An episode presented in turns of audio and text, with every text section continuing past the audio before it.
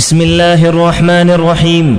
الحمد لله الذي بين سبل الفلاح ورتب الرحمة على التقوى والإصلاح وأشهد أن لا إله إلا الله وحده لا شريك له سبحانه وبحمده بالغدو والرواح والمساء والصباح وأشهد أن محمدا عبده ورسوله جعله الله أسوة في الصلاح والإصلاح صلى الله عليه وعلى آله وأصحابه الذين سعدوا بالفلاح والنجاح. وعلى من اتبعهم بإحسان إلى يوم الدين وسلم تسليما. أما بعد فيا أيها المسلمون اتقوا الله تعالى وأصلحوا ذات بينكم وأطيعوا الله ورسوله إن كنتم مؤمنين. معشر المسلمين كثيرا ما يكون بين الناس منازعات وخصومات وذلك نتيجة لاختلاف الأهواء والرغبات والاتجاهات. ومن ثم فإن المنازعات والخصومات تسبب البغضاء والعداوات وتفرق بين المسلمين والقرابات ومطلوب منا أن نسعى إلى الإصلاح بكل الوسائل والإمكانات. قال الله تعالى إنما المؤمنون إخوة فأصلحوا بين أخويكم واتقوا الله لعلكم ترحمون. لقد أرسل الله تعالى نبيه محمدا رحمة للعالمين ليجمع على الإيمان قلوب المؤمنين ويزيل من قلوبهم كل أسباب الشحناء. ويطهر نفوسهم من كل أسباب البغضاء ليكونوا إخوانا متحابين. فإذا وجد بين بعضهم خصومة وشحناء ونزاع وبغضاء أمروا أن يتقوا الله جل وعلا وأن يصلحوا ذات بينهم وعلى المسلمين أن يسعوا في الإصلاح ما استطاعوا إلى ذلك سبيلا. وقد كتب عمر بن الخطاب إلى أبي موسى الأشعري رضي الله عنهم رد الخصوم حتى يصطلحوا فإن فصل القضاء يورث بينهم الضغائن من تفسير القرطبي رحمه الله. وقد قال تعالى وأصلحوا ذات بينكم أي أصلحوا ما بينكم من أحوال الشقاق والافتراق حتى تكون أحوال ألفة ومحبة واتفاق ليكون المسلمان المتشاحنان معترضين لمغفرة الله والجنة. عن أبي هريرة رضي الله عنه أن رسول الله صلى الله عليه وسلم قال تفتح أبواب الجنة يوم الاثنين ويوم الخميس لكل عبد لا يشرك بالله شيئا. وفي رواية تعرض الأعمال في كل يوم خميس واثنين فيغفر الله عز وجل في ذلك لكل عبد لا يشرك بالله شيئا. إلا رجلا كانت بينه وبين أخيه شحناء فيقال انظروا هذين حتى يصطلحا انظروا هذين حتى يصطلحا انظروا هذين حتى يصطلحا. رواه الإمام مسلم رحمه الله. أيها المسلمون لقد اهتم الإسلام بإصلاح ذات البين حفاظا على وحدة المسلمين وسلامة قلوبهم وإن الإصلاح يعتبر من أعظم وأجل الطاعات وأفضل الصدقات فالمصلح بين الناس له أجر عظيم وثواب كريم. إذا كان يبتغي بذلك مرضاة الله تعالى فأجره يفوق ما يناله الصائم القائم المشتغل بخاصة نفسه. عن أبي الدرداء رضي الله عنه قال قال رسول الله صلى الله عليه وسلم ألا أخبركم بأفضل من درجة الصيام والصلاة والصدقة؟ قالوا بلى. قال إصلاح ذات البين وفساد ذات البين هي الحالقة. رواه أبو داود. ومعنى الحالقة أي تحلق الدين. وعن أبي هريرة رضي الله عنه قال قال رسول الله صلى الله عليه وسلم كل سلام من الناس عليه صدقة. كل يوم يعدل بين الناس صدقة. رواه الإمام البخاري رحمه الله. وفي رواية لمسلم قال تعدل بين الاثنين صدقة. وتعين الرجل على دابته فتحمله عليها أو ترفع له عليها متاعه صدقة. قال والكلمة الطيبة صدقة. وكل خطوة تمشيها إلى الصلاة صدقة. وتميط الأذى عن الطريق صدقة. رواه الإمام مسلم رحمه الله تعالى. وقوله تعدل بين الاثنين أي تصلح بينهم بالعدل. أيها المسلمون إن الإصلاح بين الناس تفضل فيه النجوى وهي السر ودون الجهر والعلانية. ذلك أنه كلما ضاق نطاق الخلاف كان من السهل القضاء عليه.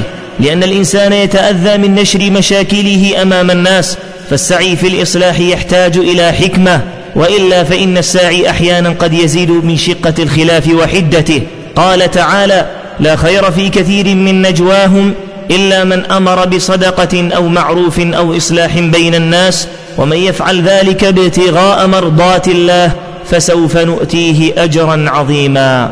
أيها المؤمنون إن أطيب حياة يعيشها المؤمن والمؤمنة في هذه الدنيا هي حينما يكون مراقبا لله حسن الطوية لعباد الله فأصلح أيها المسلم ما بينك وبين الله يصلح الله ما بينك وبين الناس واحذر أسباب الشحناء والبغضاء وإذا جاء إليك أخوك معتذرا فاقبل معذرته ببشر وطلاقة بل ينبغي أن تسعى أنت إلى إنهاء الشحناء وإن كان لك الحق. قال عمر رضي الله عنه أعقل الناس أعذرهم لهم. وقال الحسن بن علي رضي الله عنهما لو أن رجلا شتمني في أذني هذه واعتذر إلي في أذن الأخرى لقبلت عذره. وروي أن الحسين بن علي كان بينه وبين أخيه محمد بن الحنفية خصومة. عليهم رضوان الله تعالى. وبعد أيام كتب محمد بن الحنفية رسالة ضمنها اعتذاره منه. فما إن وصل الكتاب إلى الحسن حتى قام لساعته. وذهب إلى أخيه محمد فالتقى به في منتصف الطريق فتعانقا وبكيا وتصالحا. أيها المسلم إذا علمت أن بين اثنين من إخوانك أو قرابتك أو أرحامك أو أصحابك أو جيرانك شحناء أو قطيعه فعليك أن تبذل وسعك وغاية جهدك في الإصلاح بينهما. وإياك أن تتكاسل عن هذا العمل الجليل من أجل الاستماع إلى إيحاءات الشيطان وأقوال المخذولين الذين يقولون أنت في عافية فلا تكلف نفسك فيما لا شأن لك به بل عليك وأنت تقدر على ذلك. أن تسعى لإزالة أسباب التفرق والشحناء بين أخويك فالصلح خير وذلك رحمة بهما وشفقة عليهما وطمعا في فضل الله ورحمته التي وعدها من أصلح بين الناس. قال تعالى إنما المؤمنون إخوة فأصلحوا بين أخويكم واتقوا الله لعلكم ترحمون. أيها المسلمون لقد كان لكم في رسول الله أسوة حسنة فلقد كان يسعى بنفسه للصلح بين المتشاحنين مؤكدا بذلك مؤكدا بذلك أهمية الإصلاح بين الإخوة المؤمنين. فعن سهل بن سعد أن ناسا من بني عمرو بن عوف كان بينهم شيء فخرج إليهم النبي عليه الصلاة والسلام في أناس من أصحابه يصلح بينهم حتى أوشك أن تفوته صلاة الجماعة. وفي رواية قال اذهبوا بنا نصلح بينهم بارك الله لي ولكم في القرآن والسنة. ونفعنا وإياكم بما فيهما من الآيات والحكمة. أقول قولي هذا وأستغفر الله لي ولكم فاستغفروه إنه هو الغفور الرحيم.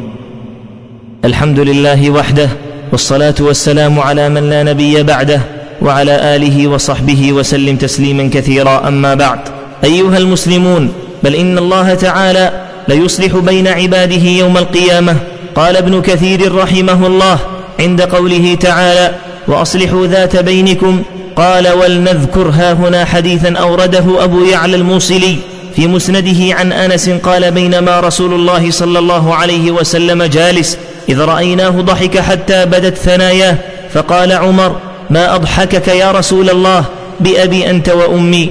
فقال رجلان من أمتي جثيا بين يدي رب العزة تبارك وتعالى. فقال أحدهما يا رب خذ لي مظلمتي من أخي. قال الله تعالى أعط أخاك مظلمته. قال يا رب لم يبق من حسناتي شيء. قال رب فليحمل عني من أوزاري. قال ففاضت عينا رسول الله صلى الله عليه وسلم بالبكاء. ثم قال إن ذلك ليوم عظيم. يوم يحتاج الناس إلى من يتحمل عنهم من أوزارهم. فقال الله تعالى الطالب ارفع بصرك وانظر في الجنان. فرفع رأسه فقال يا رب أرى مدائن من فضة وقصورا من ذهب مكللة باللؤلؤ لأي نبي هذا؟ لأي صديق هذا؟ لأي شهيد هذا؟ قال هذا لمن أعطى ثمنه؟ قال رب ومن يملك ثمنه؟ قال أنت تملكه؟ قال ماذا يا رب؟ قال تعفو عن أخيك. قال يا رب قد عفوت عنه. قال الله تعالى خذ بيد أخيك فادخل الجنة. ثم قال فاتقوا الله وأصلحوا ذات بينكم فإن الله يصلح ما بين المؤمنين يوم القيامة ما أطيبه من حديث شريف من شأنه أن يشجع المتخاصمين على إصلاح ذات بينهم والتواصل بما يرضي الله سبحانه وتعالى. تأملوا عباد الله أثر رحمة المولى عز وجل بعباده الصالحين وكيف يرقق قلوبهم للتقوى ولو بعد الهجر. والألم والأنين وتأملوا شدة خوف الصحابة رضوان الله تعالى عليهم من الله سبحانه وتعالى وحرصهم على رضاه. ألا فلنسعى لتدارك ما بدر منا قبل فوات الأوان ولنسعى للفلاح والصلاح قبل المنية والهلاك. نسأل الله العزيز الحكيم أن يتغمدنا برحمته ويتداركنا بعفوه إنه سميع قريب مجيب. ولا حول ولا قوة إلا بالله العلي العظيم.